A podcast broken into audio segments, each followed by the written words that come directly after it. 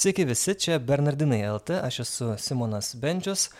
Lapkričio 12 dieną Vilniuje prasidėjo aušos vartų švenčiausiosios mergelės Marijos gailestingumo motinos atlaidai ir tęsiasi iki 20 dienos sekmadienio. Šiuo metu tai yra 16 diena, kai mes šitą laidą įrašinėjame ir aš atsimenu prieš keletą metų, kai tai dar dirbau kitoje įstaigoje, vienas vakaras buvo skirtas žiniasklaidai. Ir po darbo nukeliavau į aušos vartus į mišes ir tose mišiose e, pamačiau e, savo kolegą, e, apie kurį net nebūčiau pagalvojęs, kad jisai bažnyčią lanko ir kad jam tai yra svarbu. Ir ten pasisveikinom trumpai. Ir paskui kitą dieną aš jo klausiu, sakau, va, kaip čia smagu, va, netikėta, pamačiau aš jūs. Ir jisai atsako, taip labai įdomiai. Važiuoja žmonės į užsienius visokiausius, į, į įvairias tas šventovės, o mes turim vat Vilniuje, čia pat vietoj, puikius atlaidus, tai kodėl nepasinaudot progą. Tai va, tai iš tiesų bažnyčia sako, kad tokie atlaidai ir, ir aušos vartai ir šitas paveikslas stebuklingasis mergelės Marijos, tai yra tokia dovana tikintiesiems ir tai yra toks kaip ir instrumentas dar labiau savo tikėjimą e, gilinti. Bet žinot, kaip su tais instrumentais būna, ar ne, kai tu gal instrukcijos nežinai, nemoki naudotis, atrodo, kas čia per nesąmonė, ar ne, ką aš čia su tuo darysiu.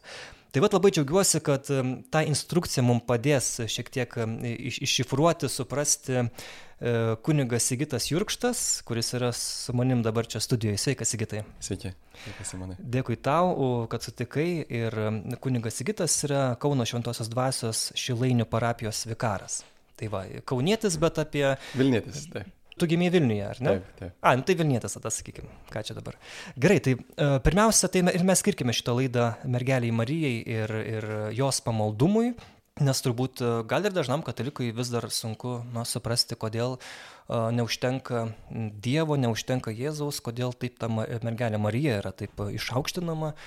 Tai pirmas klausimas, ką dažnai girdim uh, E, iš Marijos e, gerbimo e, kritikų, jog tai nėra bibliška kad šventajame rašte apskritai Marija yra tokia labai paprasta moteris ir niekas ten jai ten jokių panegirikų kaip ir nesako, na išskyrus Luko Evangeliją, kai, kai pasveikina Elžbieta Mariją.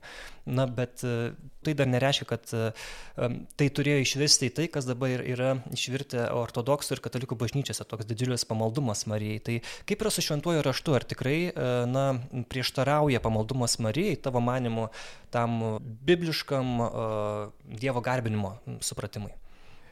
Ačiū, čia yra tikrai geras klausimas. Aš manau, kad e, ta etiketė, kad katalikų doktrinos prieštarauja šventam raštui, yra šiek tiek tokia dirbtinė nes kada įvyko reformacija, katalikai buvo nepasiruošę atsakytų dalykų iš šventojo rašto, bet jie labai nusekliai laikėsi tos tradicijos, kuri, na, tos šventųjų tradicijos, kitaip sakant, tų šventųjų mokymų, kurie tiesiog buvo panirę į šventąjį raštą. Jeigu mes pažvelgtume į jų raštus, gyvenimo būdą, jie, na, pavyzdžiui, tas pats koks nors ten šventas Jeronimas, kuris išvertė į, į šventą raštą į lotynų kalbą, E, jie parašė begalės knygų apie šventąją raštą, šventojo rašto komentarus. Jie buvo, pavyzdžiui, vienuoliai, kurie neturėjo šeimos, turėjo daug laiko. Jie nuo ryto iki vakaro skaitydavo šventąją raštą. Ir e, tiesiog tai buvo e, tų žmonių gyvenimas ir mąstymas yra tiesiog paniręs šventajame rašte. Ir kas buvo blogai su katalikų bažnyčia, kad mes negyvenam pagal šventąjį raštą. Kitaip sakant, kad mūsų mokymas ir gyvenimas skiriasi. Ir mes kartu pradėjom piknaudžiauti tam tikrais dalykais, nu, perlenkti lasdą. Čia panašiai kaip ir žmogiškame gyvenime, neveltui yra sakoma jau nuo Aristotelio, pavyzdžiui, ir dar anksčiau, kad darybė yra per vidurį, nu, aukso vidurys, tarp mhm. dviejų kraštutinumų. Ir kaip jisai sako, kad reikalingas žmogaus protas, kad jisai e, suvaldytų mūsų prigimtį, kuria yra linkusi į kraštutinumus. O kokius tu kraštutinumus e, matai, kalbant apie e, pamaldumą Marijai? Jo, tai va pavyzdžiui, vienas kraštutinumas, aš neseniai buvau susitikęs ligonė tokia mo moterį ligoninėje ir atnešiau jai švenčiausią sakramentą, sakau, gal norėtumėt vat, Jėzaus kartu pasimelsti, sako, nereik man to tavo Jėzaus, sako, aš garbinu Mariją. tai, ir be abejo, kad bažnyčia tokių dalykų nemoko, taip, arba kitas kraštutinumas apskritai naudoti to paties žodžio garbinimas, naudojimas, taip, ir, ir čia vėlgi iš to tokio gal Aš sakyčiau, gal ne tiek iš meilės Marijai, kiek iš tokio susipriešinimo su protestantais, man taip atrodo, mūsų vertėjai kai kurios dalykus, pavyzdžiui, kai kurias giesmes taip išvertė. Nu, pavyzdžiui, žinot, visi tą giesmę garbinkime Dievą, ten ir taip toliau. Mhm. Ir iš tikrųjų tai latiniškai yra benediktus Deus, palaimintas Dievas, palaimintas. Mhm ten mergelė Marija, palaimintas jos nekaltas prasidėjimas, o mes taip verčiame, kad garbinkime Mariją, garbinkime jos nekaltą prasidėjimą, garbinkime šventąjį Juozapą ir taip toliau. Taigi vertimas yra tikrai klaidingas ir sako, žmonės bažnyčia tiki taip, kaip meldžiasi, iš tikrųjų, man atrodo, daro žalos tas e, žodžio garbinti, naudojamas e, va, Marijos ir šventųjų pagerbimui. Bet lotynų kalboje, kiek žinau, pataisys, jeigu klystu, kad Dievo garbinimas, šventųjų gerbimas, bet Marijai yra skiriama, va, lotynų kalboje dar kažkoks atskiras žodis, kuris toks, na, ypatingas gerbimas. Tai nėra garbinimas, bet yra toks, na, didesnis gerbimas negu šventųjų, taip, jeigu neklystu. Taip, taip. Na, nu, aš tiksliai dar nežinau kaip lotynų, bet graikų kalboje tai ir tikrai tie terminai yra, kad latrija tai yra Dievui skirtas garbinimas, dulyje šventiesiems ir hiperdulyje Marijai. Nu, hiperdulyje. Hiperdulyje. Hipergerbim, supergerbimas. Mes taip, supergerbėm Mariją. Supergerbėm Mariją. Okay. Bet pavyzdžiui, e, Lotynų kalba irgi tas pats yra skirtingi žodžiai. Pavyzdžiui, Dievą garbiname adorari, čia žodis adoracija, Ir Ma Marija šventuosius pagerbėm yra žodis venerarė. Mm. Tai aišku, čia turbūt nėra susijęs su venerinėmis lygomis, bet tiesiog yeah. yra žodis venerarė, kad mes gerbėme. Ir, ir lietuvių kalboje mes turim tik vieną žodį, tą patį, ir Dievui, ir, ir šventiesim. Ir tai sudaro pretekstą, pavyzdžiui, mūsų broliams evangelikams, protestantams sakyti, kad mes garbiname Mariją kaip Dievą. Mhm. Tai va čia būtų kraštutinumas. Arba kitas kraštutinumas būtų tokia baimė skirti Marijai laiko. Nu, įsivaizduokit, pavyzdžiui, nežinau, ar Simon, tu turi šunį, pavyzdžiui, ar ne? Ne, neturiu. O katė dar kažką? Ar žuvitės akvarijumi. Žuvitės, nu jam gal nedaug laiko reikia per dieną. Ne. Bet aš kai pas tėtę atvažiuoju į kaimą, tai jisai tokį katiną augino, tai jis toks labai draugiškas ir, ir jam labai žmonės patinka, tai va jam skiriu laiko šiek tiek tam katinui. Taip. Nu, va, nu kaip pavyzdys, pavyzdžiui, jeigu, turė, jeigu aš, nu, aš irgi turėjau šunį, bet jį atidaviau šiek tiek, nes buvo man per daug, bet jeigu aš turėčiau šunį, tai nu vis tiek nu pusvalandį, valandą per dieną jam skiriu, taip? Mhm. Tuo tarpu Marijai kaip savo motinai vėlgi čia tas kitas klausimas, ar jinai yra mūsų motina, bet savo motinai, pavyzdžiui, pusvalandį skirti, kad aš su ją apmastyčiau Jėzaus gyvenimo slėpinius, tai jau būtų jau, reiškia, jau Dievo įžeidimas, taip. Tai ir vėl, ir pavyzdžiui, tas pats sumaišymas, kad atrodo, kad katalikų pagrindinė malda liktai būtų rožinis, bet iš tikrųjų tai netiesa, nes katalikų pagrindinė malda yra mišios ir liturginės valandos, kur Marija ir šventiesiam yra labai labai saikingai skiriama dėmesio, Ir tas pats rožinis, vėlgi, pavyzdžiui, čia yra toks gal nukrypimas, nenaudosiu to žodžio iškrypimas, šis laikis pavojinga jį naudoti, bet nukrypimas tas, kad mes, pavyzdžiui, melžiamės rožinį tik tai kalbėdami poterius, nu, maldas, mhm. bet nemastydami slėpinių. Nu, pavyzdžiui, ten pirmas slėpinys ir, ir sveika Marija ir taip toliau. Bet net patsai Liudvikas Monfortietis, kuris buvo, galima sakyti, pamaldumo Marijai tėvas, jis sakydavo, kad rožinio malda be apmąstymų yra tas pats kaip kūnas be sielos. Nu, kitaip sakant, yra lavonas. Tai reiškia, jeigu aš, rožinio malda tam ir yra, kad aš apmastyčiau visus Jėzaus gyvenimo slėpinius, būčiau Marijos mokykloje. Ir pavyzdžiui, net yra toks geras būdas ir šiais laikais vis populiarėja, bet mes gal dėl skubėjimo vis bandom jo visai atsikratyti, kad e, į slėpinių vidurį irgi įterpti, e, čia yra keli variantai. Pavyzdžiui, juketė, juket e, katekizmai jaunimui yra, pavyzdžiui, tarkim, slėpinys Jėzus, nu, tarkim, kuris nešė kryžių už mus. Tai pavyzdžiui, mm ir pagirtas tavo sunus Jėzus už mus nešęs kryžių, kažkaip panašiai, arba kitame dabar leidime yra toks išleista rožinio knygelė, tai už mus kryžių nešęs Jėzus, pavyzdžiui, būtų tada pagirtas tavo mhm. sunus, už mus kryžius, nu, kažkaip panašiai, aš tiksliai dabar nepamenu, bet žodžiu, idėja ta, kad įterpti į sveika Marija vidurį irgi tuos slėpinius, kad aš dar galėčiau prisiminti. Arba pavyzdžiui, yra net šventraštinis rožinis, kur po kiekvieno slėpinio yra perskaitama eilutė iš, iš švento rašto. Pavyzdžiui, Jonas Burkus išleidęs buvo tokia knygelė, labai geras dalykas irgi. Tai va tiesiog tie mūsų nukreipimai tokie, tiek į vieną, tiek į kitą pusę, tiek baimė kažkaip skirti laiko Marijai ar mhm. prašyti jos užtarimo Nors, pavyzdžiui, mes ateiname į maldos grupelį ir ten už mus gali pusvalandį melstis kiti, ar mhm. jeigu nėra laiko limitų, tai tiek va tas toksai dviprasmybių naudojimas ir, ir sukelia iš tikrųjų tų problemų. Mhm. Čia galim suprasti, kad um, pamaldumas Marijai jis vis tiek turi vesti į galutinį tikslą, tai į Jėzus pamaldumą, pamaldumą Jėzui, taip, nes uh, būtent Marija viena iš savęs jinai visiškai niekas, ar ne? Ji būtent dėl to tokia yra gerbiama, nes tai yra Dievo motina. Ir būtent ji irgi, man patiko Ravenoje, kai teko lankytis čia seniai Italijoje ir Mm, ten daug tų įvairių koplytėlių, muziejų, kur tos senosios mozaikos e, yra mm, išlikusios ir, ir viena iš jų tai yra Marija, kuri pakėlusi rankas ir nemeldžiasi. Ir mano žmonai tai padarė didžiulį įspūdį, sako, štai, vat, mes taip Mariją mėgstam taip kartais jau taip labai taip uh, iškelti, nupiešti ją, nutapyti kaip vos ne karalienė tokia, na, tikra karalienė, tikra valdovė virš visų dievų aukščiausia, bet štai čia yra mergelė Marija, kuri meldžiasi, kuri rodo, kad štai čia ne aš, kad jūs su manim galit kartu, ar ne, per mane kažkaip, bet vis tiek e, keliam mes visi tas pačias rankas į, į dangų. Tai uh, kiek nusišnekėjau čia šito pasakymu?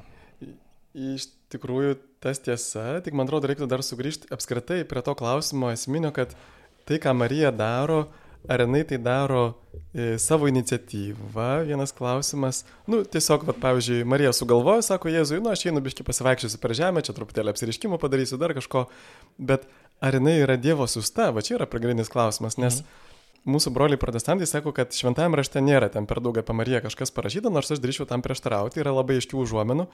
Mes galėsim, nežinau, ar dabar ar tai vėliau. Grįšim prie, tai pabaig mintį ir grįšim prie Biblijos temos.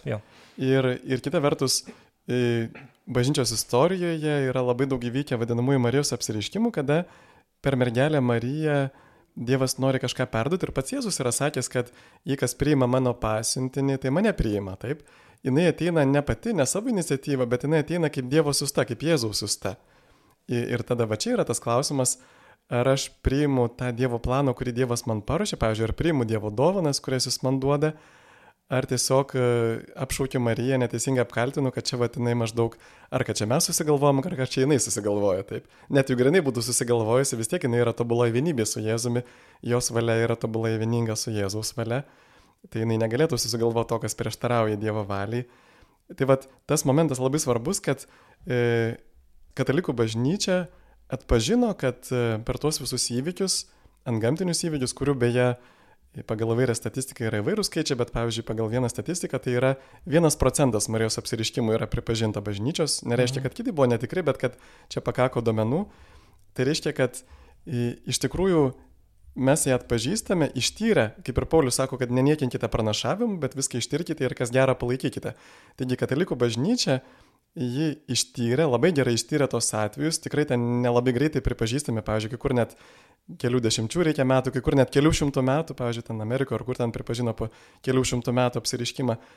Tai bažnyčia labai gerai ištiria, pripažįsta ir palaiko tai, ką, na, tą Dievo iniciatyvą, arba, pavyzdžiui, kitas viskupas yra pasakęs, kad e, Marija yra labai gera pastoracinės teologijos specialistė, nes tai, ko mums viskupijai nepavyko pasiekti per 40 metų, jis savo apsiriškimu pasiekė per, per, per metus. Mm. Na, visą tą žmonių atsivertimą, sujudimą, tiesiog grįžimą prie Kristaus. Tai žodžiu, kad vėlgi mes turime žiūrėti vaisius. E, kokius vaisius, pavyzdžiui, atneša mergelės Marijos apsiriškimai.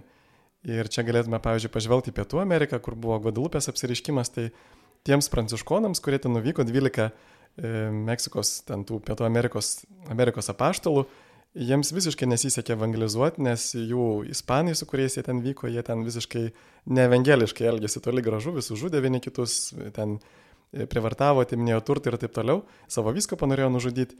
Jiems evangelizacija nesisekė, bet po Marijos apsireiškimo Juan Diego, Jonui Didakui, po to stebuklingo paveikslo atsiradimo ant Marijos, Marijos paveikslo Gvadalupės ant to Jono Didako apsausto, kuris ten turėjo suirti per, per keliolika metų, bet nesuiro jau 500 metų ar daugiau. Mm tai po to ėmė krikštytis milijonais.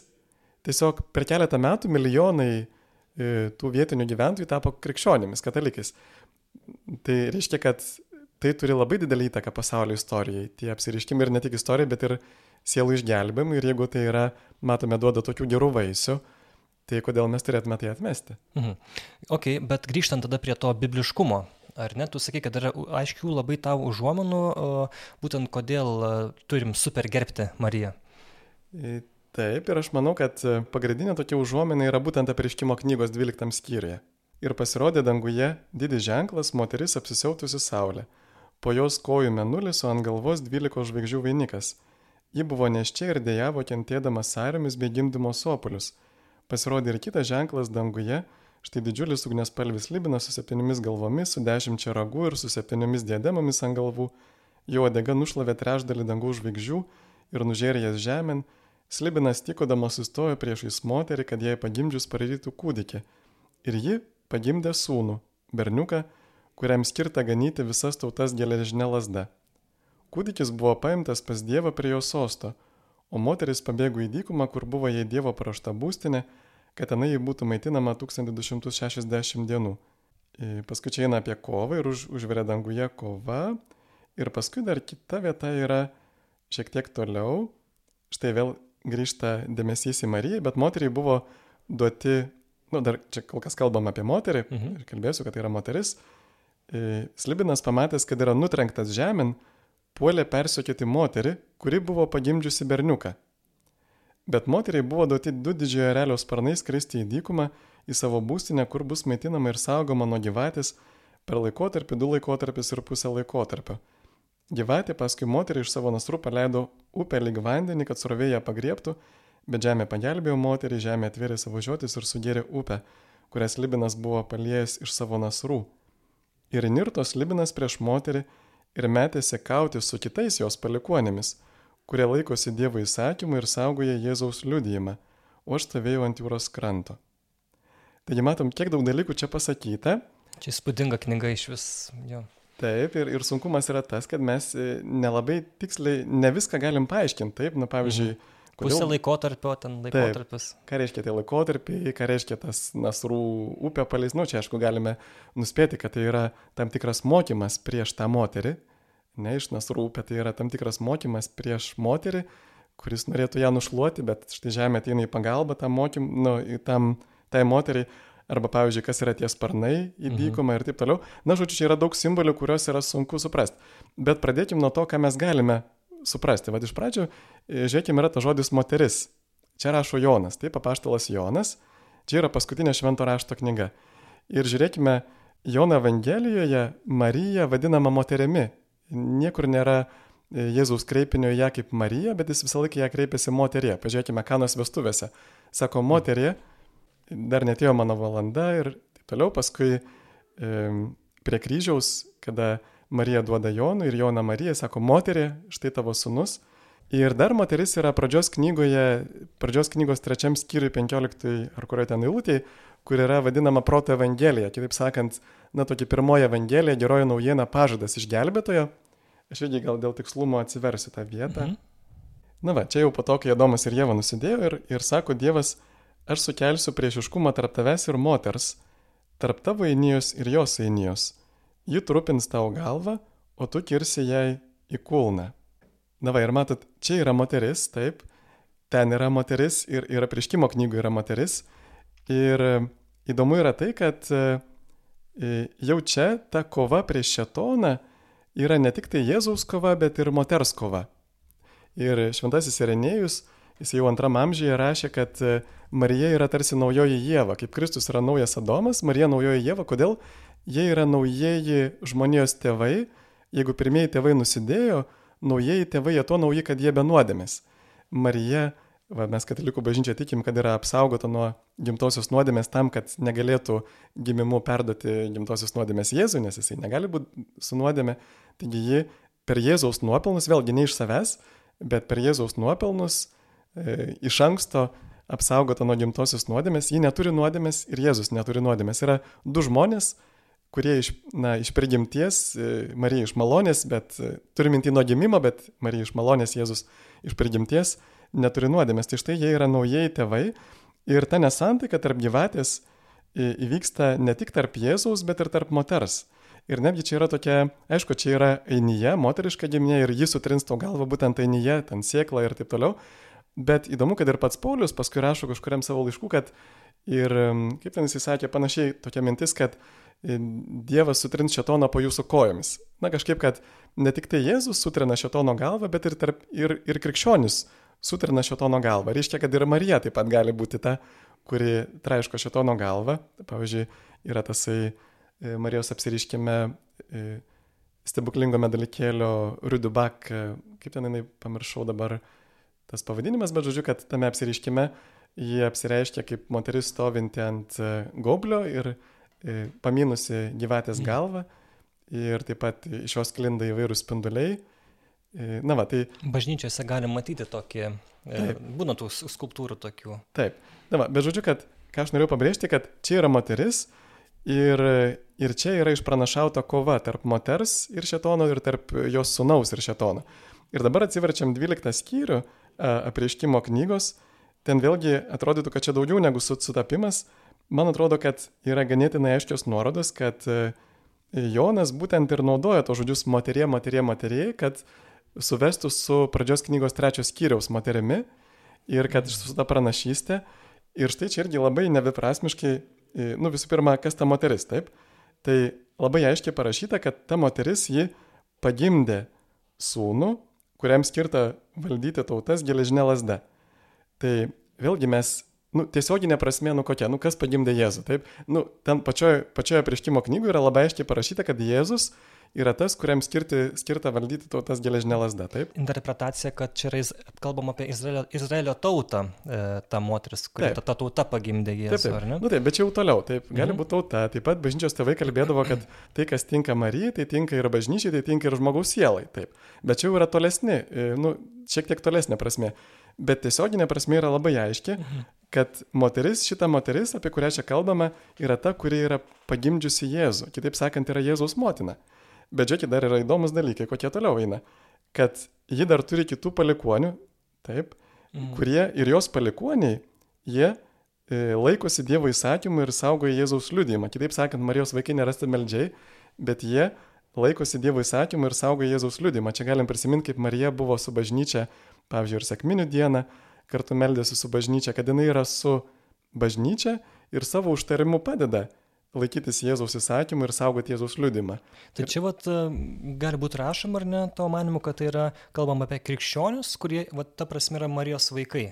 Taip, ir Aha. kad e, dar svarbu, kad Marija yra motina visų krikščionių, na, arba bent jau tų, kurie priima ją savo motiną, kad mm. kaip ir popiežiai nekartai, ypatingai Jonas Paulius II, irgi supratęs tą vietą, kad kada Marija, e, oficialiuose dokumentuose bažnyčios, kada Marija e, Jonui, Jėzus duoda Mariją kaip motiną ir, ir Joną kaip sūnų, tai jisai jo asmenyje duoda Mariją e, kiekvien, kiekvienam krikščioniui kaip motiną, bent jau kiekvienam mylimam mokiniui. Ir žiūrėkim, kas yra dar toliau, čia ką mes atrandame. Reiškia, kad šetonas persikėjo Mariją, kad tie, kurie persikėjo Mariją, gal patys to ne, nežinodami ir nenorėdami, jie vis dėlto galėtų būti šetono pusėje, taip? Čia taip jau. E, taip. Ant brolio evangelikų. Taip. pasakai. Ir šetonas persiekė Mariją, būtent su tuo, tuo, ką jis paleidžia iš burnos, tai yra tam tikras mokymas. Mhm. Ir irgi labai įdomus sutapimas, kad būtent, e, aišku, aš nenoriu kaltinti evangelikų, bet tiesiog toks yra sutapimas, kad būtent, pavyzdžiui, Guadalupės apsireiškimas įvyko būtent po reformacijos, praėjus ten 17 metų, po, po Liuterio tų tezių. Ir labai nedviprasmiškai mes vėlgi galim suprasti, kas yra ta moteris apsisiaudusi Saulė. Nes vėlgi, jeigu mes turėtume tik vieną argumentą, taip, nu, pavyzdžiui, šitą prieškimo 12 skyrių, tai, nu, man būtų sakyti, nu, čia galima ir kitaip paaiškinti, taip. Bet va, mes turim tą sutapimą, kad yra moterė, moterė Jono Evangelijoje du kartus paminėta, mes turime sutapimą su pradžios knyga e, trečiam skyriui, taip pat mes turime dar vieną sutapimą Gvadalupės apsiriškimo metu, kada tas apseustas, kuris atsiranda ant Jono Didiko tilmos stebuklingų būdų, iš tikrųjų stebuklingų, būdų, nes tyrus tą apseustą, nu, pavyzdžiui, labai tokių nuostabių dalykų paaiškėjo, jie tyri mokslininkai, paaiškėjo, pavyzdžiui, va, kaip minėjau, kad jisai negenda. Paskui, kad e, Nobelio premijos laureatas yra ištyręs e, tuos dažus, kūnas, ir jisai netrado ne vienos medžiagos, kuri būtų panaši, nu, iš kokios medžiagos tie dažai yra pagaminti. Ar gyvulinės, ar augalinės, ar dar kažkaip. Taip pat nėra jokio grunto, kaip pavyzdžiui, dailininkai visą laiką išgruntuoja paveikslą, kad galėtų nutapyti kažką, ten nėra jokio grunto, iškart tiesiogiai. Nėra teptuko potėpio, va čia kas įdomiausia, nėra teptuko potėpio. Nors tikrai atrodo, kad nutapytas yra dažai, įsismelkia dažai. E, toliau, pavyzdžiui, tos žvaigždės, kurios yra ant Marijos paveikslo, jos tiksliai atitinka žvaigždžių išsidėstymą danguje tą dieną, 1531 metų, ten gruodžio 12 ar kada ten. Oho. Ir, bet žvelgiant iš dangaus pusės. Tiksliai mm. atitinka žvaigždynų išsidėstymą.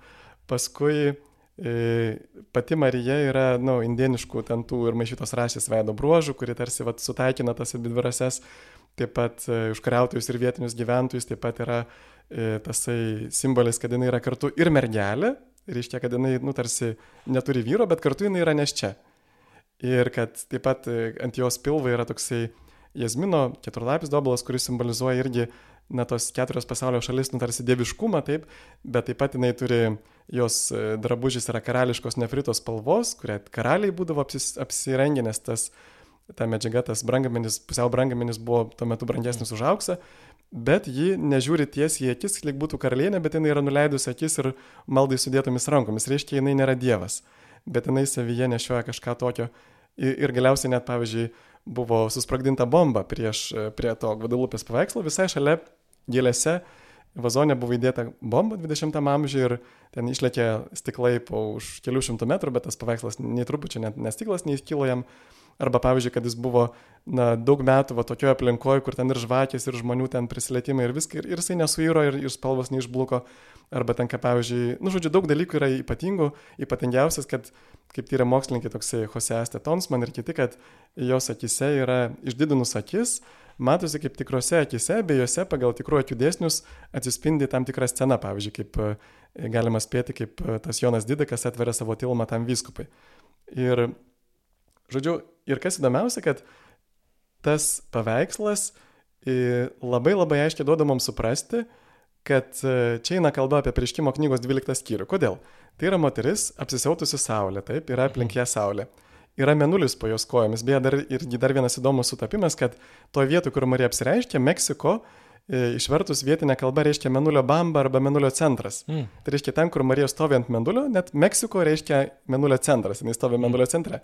Taip pat, e, e, pavyzdžiui, jos e, Jo, yra žvaigždės, tik aišku, šiuo atveju ne vainikas, bet yra žvaigždės aplink ją išsidėšiusios, tai va čia gal vienintelis skirtumas, bet dar kas yra įdomu, kad ji, ją neša angelas, ir tas angelas yra su indieniškais, e, nu, indieniškai toksai aps, apsi, apsirengęs ir jisai turi erelio sparnus. Va čia yra įdomu, kad taip, taip, matau. jisai turi mhm. erelio plunksnas. Vėlgi čia tas pats, kaip eina kalba, kad štai angelą... Ant sparnų, kaip taip, sparnai neš į, į dykumą. Jai buvo duoti du didžiojo erelio sparnai, taip. Net tas angelas yra su erelio mhm. sparnais mhm. indieniškais. Taigi visiškai, visiškai nebeprasmiška, kad e, tas to paveikslo autorius, šiuo atveju tikrai turbūt Dievas, nevelnės, norėjo parodyti, kad Marija yra vaizduojama prieškimo knygos 12 skyriui, kad ten yra ne tik tai bažnyčia, ne tik tai žmogaus siela, bet ten yra mergelė Marija. Ir jos labai natūralus veidas, aš dabar žiūriu tą paveikslą labai toks, na, Toks tok, paprastas, toksai labai to, jaunos mergaitės veidas. Tu matai labai paprastą žmogų. Taip, vienokį, kaip, kad jinai nėra kaip kažkoks, tai, nu, mat, tokia primesti su gale. Tai, mm -hmm. Šiaip aš rašiau ir straipsnį Bernardinuose kaip tik apie mergelę Mariją, nežinau kaip jis vadinosi, Gvadalupės mergelė, tai jau klausytojai norėtų paskaityti, tai yra Bernardinuose straipsnis apie Gvadalupės apsiriškimus. Ok, įdėsim nuorodą. O tu matai gyvai gal tą paveikslą? Ne, ne nesu matęs. Mm, tai linkiu pamatyti. Galima ir, ir, ir čia pažiūrėti per kompiuterį, ten toli važiuoti. Vargas, ne? Tai gerai, tai žodžiu, tai taip, tai matom, nu, kad bažnyčia atpažįsta ar net daugelio va tokių vairių ženklų tiek šventame rašte, tiek ir gyvenime. Dar kažkas yra. Taip, mhm. dar vienas dalykas, nu, ne trečias, bet vienas iš daugelio galbūt. Tai vienas iš daugelio dalykų, kad e, yra ir kiti Marijos apsireiškimai, ar ne, kur Marija atrodo tikrai kaip ženklas danguje. Nu, sunku turbūt būtų pavadinti bažnyčią, kad yra ženklas danguje, taip nu, kažin, ar, ar pasakytume, kad katalikų bažnyčia, pavyzdžiui, yra ženklas danguje, didingas ženklas danguje. -hmm. Ir pavyzdžiui, Zaitūnė apsireiškime Marijos, kada žmonės ant bažnyčios stogo pamatė šviečiančią moterį, nu tiesiog saulės apsiausta moteris. Ir, ir kitose apsireiškimuose, pavyzdžiui, bažnyčios patvirtintose, vaikai neretai ją matė kaip su 12 žvaigždžių vainiku. Reiškia, kad e, Marija neretai pasirodo va, tokia kaip, kaip čia, panašiai į tą prieškimo knygos 12 skyrių. Ir vėlgi einant toliau, bet kalbant apie tos tokius kumuliaty, kumuliatyvius argumentus, ar ne, kad e, sukaupti tuos argumentus iš visų pusių, pavyzdžiui, egzorcistai labai aiškiai tą liudyje, kad e, Marijos užtarimas yra labai labai veiksmingas išlaisvinant žmonės iš piktosios dvasios ir kad piktoji dvasia labai bijo Marijos, hmm. E, kad jinai tikrai neskatina pamaldumą Marijai. Ir dar galiausiai, vad mes net turim tokį liudymą, pavyzdžiui, šventųjų kongregacijos, šventųjų skelbimo kongregacijos, kad jie mato, kad Pradiškai visi šventieji turėjo labai gilų pamaldumą Marijai. Ir... O tai man reikia susirūpinti tada. Taip, kol dar nevėlu dar. taip, taip. Taip. Ir iš tikrųjų, kad man atrodo, tas paaiškina labai, nu, toks teisingas supratimas ar net to pamaldumo Marijai, kad e, Liudvikas Monfortėdis duoda tą įvaizdį, kad tai yra kaip gyvoji Dievo forma, kurioje nulėjami šventieji. Yra kaip forma, kurioje nulėjami šventieji. Ir dar čia ką galėtume prisiminti, vėlgi, kas šiek tiek yra, yra labai aišku šventajame rašte, bet dažnai mūsų lieka nepastebėta, kad Marija pradėjo Jėzų iš šventosios dvasios, taip? Nu tai galėtume sakyti, nu tai šventoji dvasia pasinaudojo ir paliko, taip? Bet e, va čia yra turbūt gilus lepinys, ar tik Marija nebus likusi šventosios dvasios sužadėtinė. Taip ir šiuo atveju, jeigu Marija yra šventosios dvasios sužadėtinė, jeigu šventoji dvasia jos nepaliko pasinaudojusi. Kokia, kokia įdomi mintis. Taip, labai. tai tuomet e, Marija, būdama šventosios dvasios sužadėtinė, e, gali tikrai, na, turi, kaip sakyti, prieigą prie, prie kažko tai mhm. labai galingo. Taip. Čia sustokim ties tuo, ar ne, jos nekaltas prasidėjimas, tai ji buvo kaip paruošta būti be nuodėmės tam, kad galėtų savyje nešioti Jėzų ir kad neperdodu, kaip natūraliai, kaip motina perdoda savo uh, lasteles ar ne, ir, ir, ir genetiką ir visą kitą vaikui, kūdikiui, kad ji neperdotų nuodėmės gimtosios Jėzų. Neperdotų, nes vis tiek mes tai, nežinom kaip, mm. katekizmas sako, mes nežinom kaip ta gimtojo nuodėmė perdodama, bet jinai, nu, perdodama per, per kūną. Ir štai, mhm. nu čia tokia kaip ir, sakyčiau, loginė būtinybė, taip, kad, kad Marija būtų, kad Jėzus būtų na, jisai ir yra be nuodėmės, bet tiktų, kad jo motina neturėtų, neturėtų nuodėmės. Ir iš kitos pusės tokį biblinį netgi argumentą dabar prisimenu, Benas Ulevičius, teologas, buvo sakęs, kad uh, Biblijoje, jeigu tu sutinki Dievą tikrą, tu numiršti, nes tiesiog tai yra tokia gale, tokia na, jėga, kad tiesiog paprastas mirtingas, nuodėmingas žmogus jis to net laiko. Ir, ir, ir yra tas supratimas šventame rašte, Senajame testamente, kad jeigu aš Dievą pamatyčiau tokį, koks jis yra, aš tiesiog numirčiau net laikęs tos elektrinės įtampos kabutėse.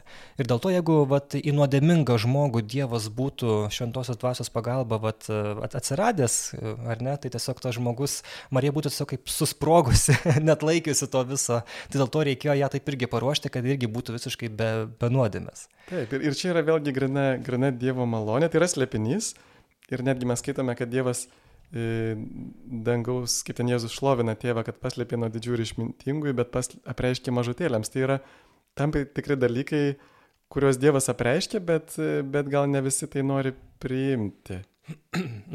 tai Marija, kaip suprantam, jinai reiškia ir gimė E, jau be gimtosios nuodėmės, ar tiesiog buvo prieš tą uh, pradėjimą stebuklingą Jėzus apvalyta nuo tos gimtosios nuodėmės? Kaip bažnyčia šitą supranta? Nes čia kartais irgi būna tokių neiškumų.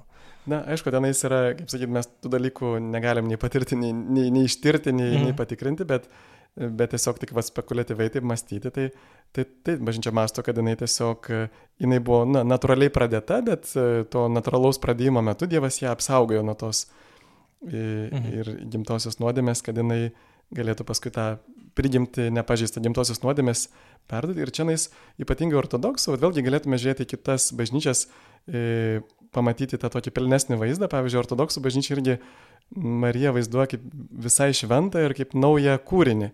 Kaip visiškai naują, tarsi naują Dievo kūrinį. Tai va čia ir yra tas, ta mintis, kad Dievas, Jėzus sako, aš, Dievas sako, aš visą darau naują ir kad tai yra nauja pradžia žmonijos ne tik tai Jėzus, bet ir Marija.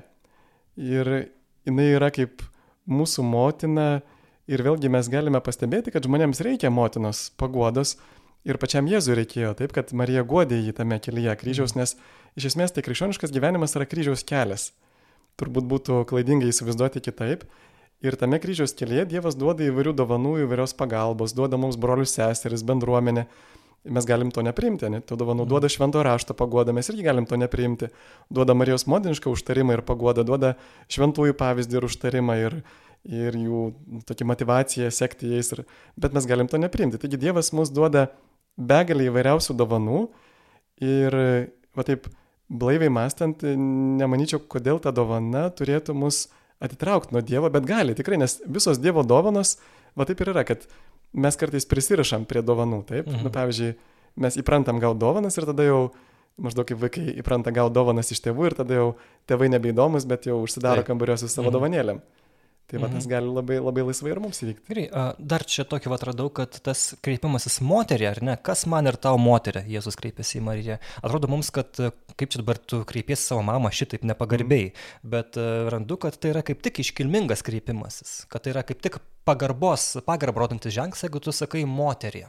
Mm, gal irgi, gal turbūt yra turbūt skirtingi žodžiai, gal skirti, tarkim, moterė kaip šiaip, o iškilmingai gal ten vėl kitoks tas hebrajiškas žodis, gal čia vertimo dar dalykai yra, bet...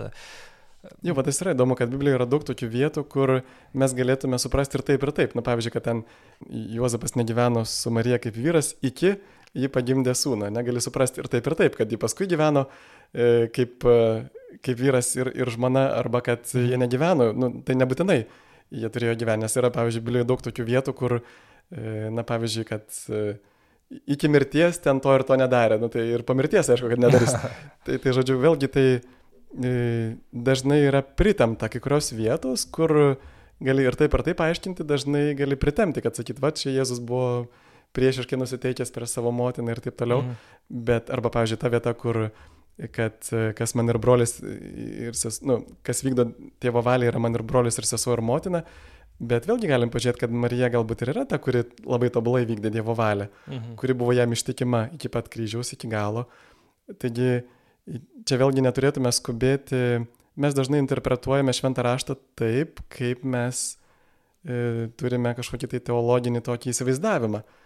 Tai vad, manau, kad e, skaityti šventą raštą kaip jisai buvo parašytas, suprasti, kaip jis buvo parašytas yra labai sunku ir, ir mums tam gali pagelbėti būtent bažnyčios tėvų.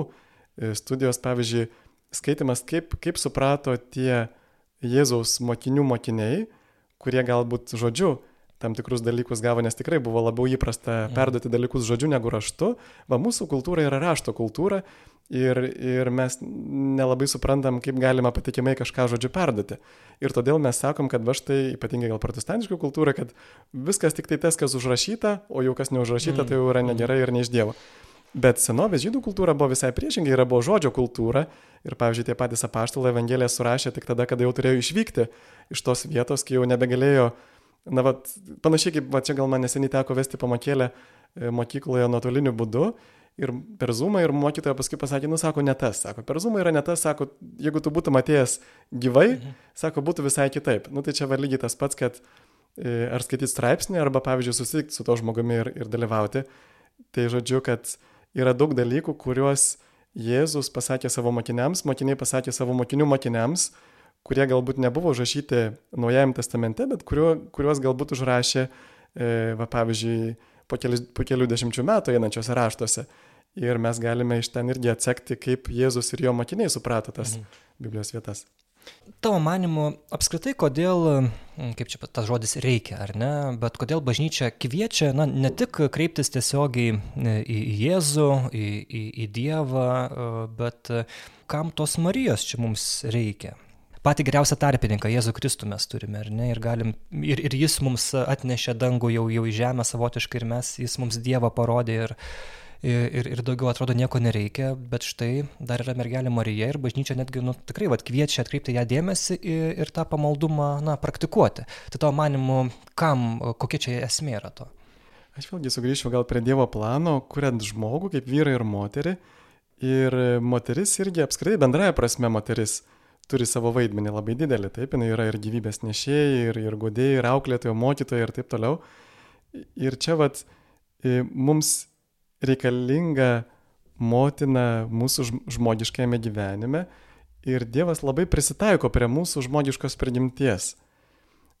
Su Jėzumi kaip vyru, jeigu mes žiūrėtume Jėzų kaip į vyrą, kaip į tėvą, labai daug žmonių, labai labai labai labai daug turi labai neigiamą patirtį, pavyzdžiui, su savo tėvu Ypatingai šiais laikais, na ne, kad e, vyrui daug lengviau yra palikti moterį su vaiku, tuo tarpu moteris jinai priversta rūpinti savo vaikais, taip, tai yra labai didelė dalis žmonių, aš dabar nežinau procentų, kiek neturėjo tėvo, taip.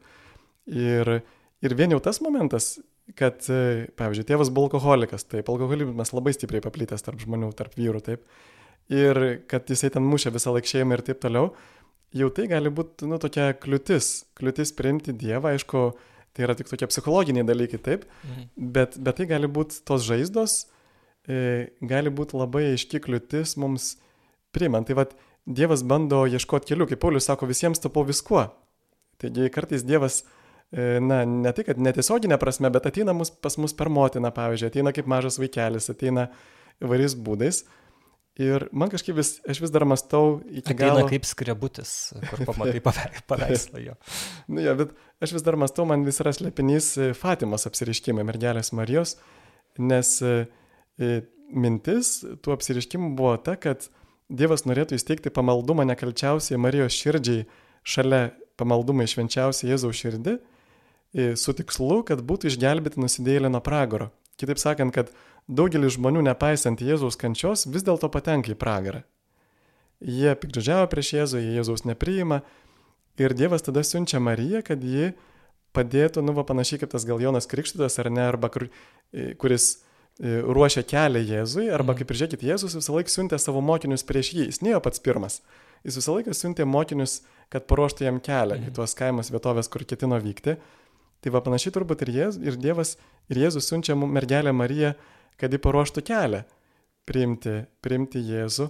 Arba, pavyzdžiui, dar vienas momentas, na ypatingai šie laikai, bet turbūt ir visais laikais, e, va tas neskaistumo nuodėmė buvo viena iš tokių galbūt greičiausių kelių atšalti pamaldume.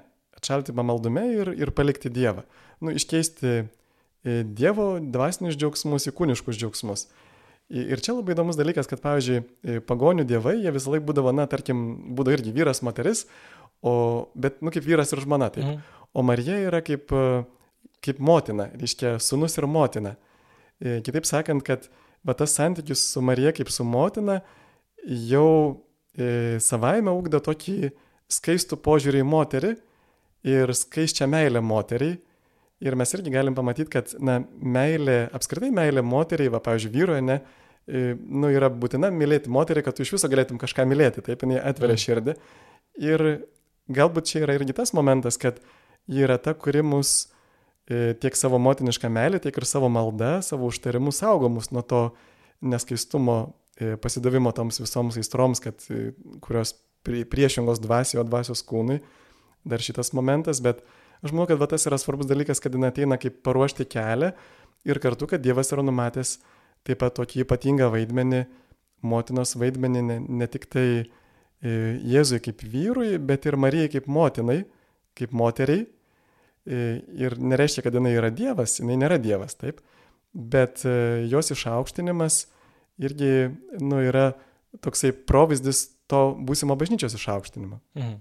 Šiandien, kai yra karas Ukrainoje ir kai tikrai į Dievą mes, apie Dievą, apie tą prasme visko mes tikrai dažniau turbūt susimastome ir, ir galbūt yra, turbūt nebejoju, yra atsivertimų ir, ir grįžimų į bažnyčią. Ar čia Marija gali mums e, kažkuo irgi padėti? Mes, aišku, prisimenam tą paukojimą nekalčiausiai Marijos širdžiai e, Rusija ir Ukraina, ar ne? Ir taip tikrai sulaukė tokio atgarsio šitas įvykis, o kalbant, na, toliau, ar ne? Ar Marijos e, pamaldumas Marijai čia gali būti irgi svarbus? Va dar prisiminiau kaip tik ir su šito klausimu vieną dalyką apie užtarimą. Užtarimo tema irgi labai yra per visą šventą raštą. Jis yra Bromas, kuris užtarė ir Mozė. Va prisiminkim kaip Mozė, kuris iškėlęs rankas meldžiasi už tautą, kada jie kovojo su Amaleku.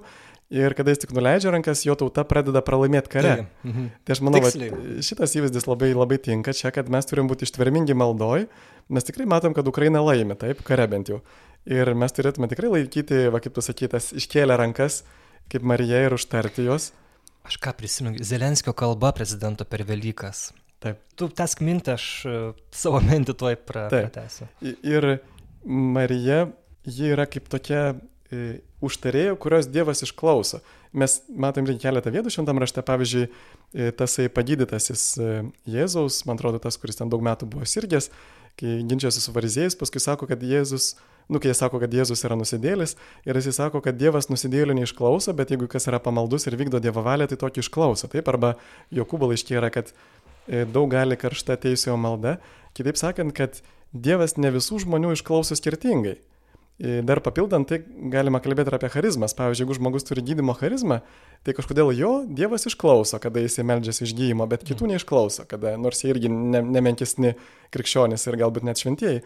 Taigi Dievas nori, kad mes būtume reikalingi, kad galėtume užtart kitus, bet tai nėra būtinybė. Tai vėlgi yra teisingai teologiškai supranta, tai yra grina Dievo dovana.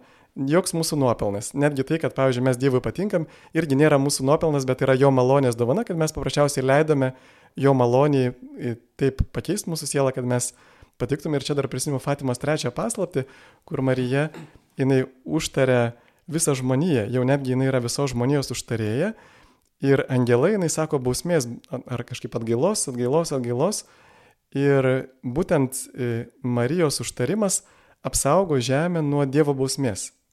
Vat netgi taip, kad jos užtarimas yra toks brangus Dievo akise, kad jisai nebaudžia žemės, nors labai norėtų, arba jau privalėtų pagal teisingumą, Marijos užtarimas sulaiko jo nuo bausmės. Aš čia prisimenu neseniai vienas draugas užtarė tokį benamį, sako, gal tu galėtum jam padėti. Ir aš buvau šiek tiek ant jo supykęs dėl jo neveiklumo ir aš tikrai būčiau jo nepadėjęs, bet kadangi tas draugas užtarė, paprašė, aš sakau, nu gerai, dėl tavęs aš jam padėsiu. Taip, tai va tas užtarimas tikrai yra labai veiksmingas dalykas ir pats Paulius, netgi matom ir po Jėzaus, užtarimo reikšmė nesumenkėja. Paulius nuolat prašo, kad išmelstus į keliose vietose, prašo savo mhm. laiškuose. Tai va, žodžiu, užtarimas ir toliau lieka svarbus e, dalykas ir tai yra tokia, e, na, dvasinės kovos dalis, kad e, jį, būdas įgyvendinti Jėzaus paliepimą be, be palievos melskitės, nu kaip ir tas mozė, ar ne, kad jis turi nuolat būti iškėlęs rankas, kad jo tauta laimėtų Ir mes, jeigu negalim nuolat melsis, mes galim paprašyti kitų, kad už mus melstusi, kad ta dvasinė kova mumise e, vestų į pergalę. Džeksigi, tai kaip gražu yra, vad prisiminiau. Buvo e, šių metų balandžio 24 diena, e, ortodoksų Velykos. Ir lygiai du mėnesiai nuo karo pradžios ir Volodymyras Zelenskis vaizdo įrašą paskelbė, kur sveikina krikščionis ortodoksus su šventomis Velykomis. Ir tas vaizdo įrašas yra padarytas iš um, Kyivo Sofijos arba Šventosios išminties katedros. Prie Orantos besimeldžiančios Dievo motinos, kuri iškėlusi rankas į, į, į viršų meldžiasi. Čia yra e, 11 amžiuje sukurta mozaika ir jinai dar vadinama nesunaikinama siena arba nepajudinama siena. Kodėl? Nes tai yra vienas didžiausių sakralinių Ukrainos simbolių ir legenda pasakoja, kad kol Dievo motina laikys ištiesusi rankas virš Kievo, tol miestas stovės nesunaikintas. O, ir būtent Zelenskis e, šitą, e, šitą mini ir va sako, kol yra Oranta, tol yra Sofija ir Kievas stovi su ja. Visa Ukraina laikosi su jomis. Ir virš orantos prašyti psalmio žodžiai. Dievas yra mieste jis nebus sunaikintas rytui auštant dievas ateis jam į pagalbą. Ir sako zelenskis kad šią didžiąją dieną visi tikime kad mūsų aušra artėja. Tai va tai manau labai taip netikėtai visiškai prisiminiau ir va taip simboliška, taip gražu ir manau, kad čia gal ir būtų labai gera vieta mūsų pokalbį ir užbaigti, ar ne? Taip. Ir tada Ačiū tau labai, tikrai labai buvo įdomu. Gal reikės daryti kokią dar vieną e, tinklalaidę apie mergelę Mariją, nes e, tikrai yra apie ką kalbėti. Tai buvo Sigitas Jurkštas, e, kunigas Kauno Šventosios dvasios Šilainių parapijos vikaras. Dėkui tau. Ačiū Simonai, kad pakvietei. Sudė. O aš Simonas Bendžius irgi su jumis atsisveikinu. Ačiū, kad mūsų klausotės, palaikome Ukrainą, e, kaip tai galim ir palaikome, aišku, jeigu galite irgi Bernardinus finansiškai, e, reikia jūsų paramos, pagalbos, tai dėkoju už ją. Taip, tikrai palaikykite, jie tikrai šaunuoliai labai stengiasi ir labai džiaugiuosi, kad yra Bernardinai ir, ir tegul mergelė Marija mus užtarė, kad nenuleistume rankų ir dėl maldos už Ukrainą. Amen. Iki.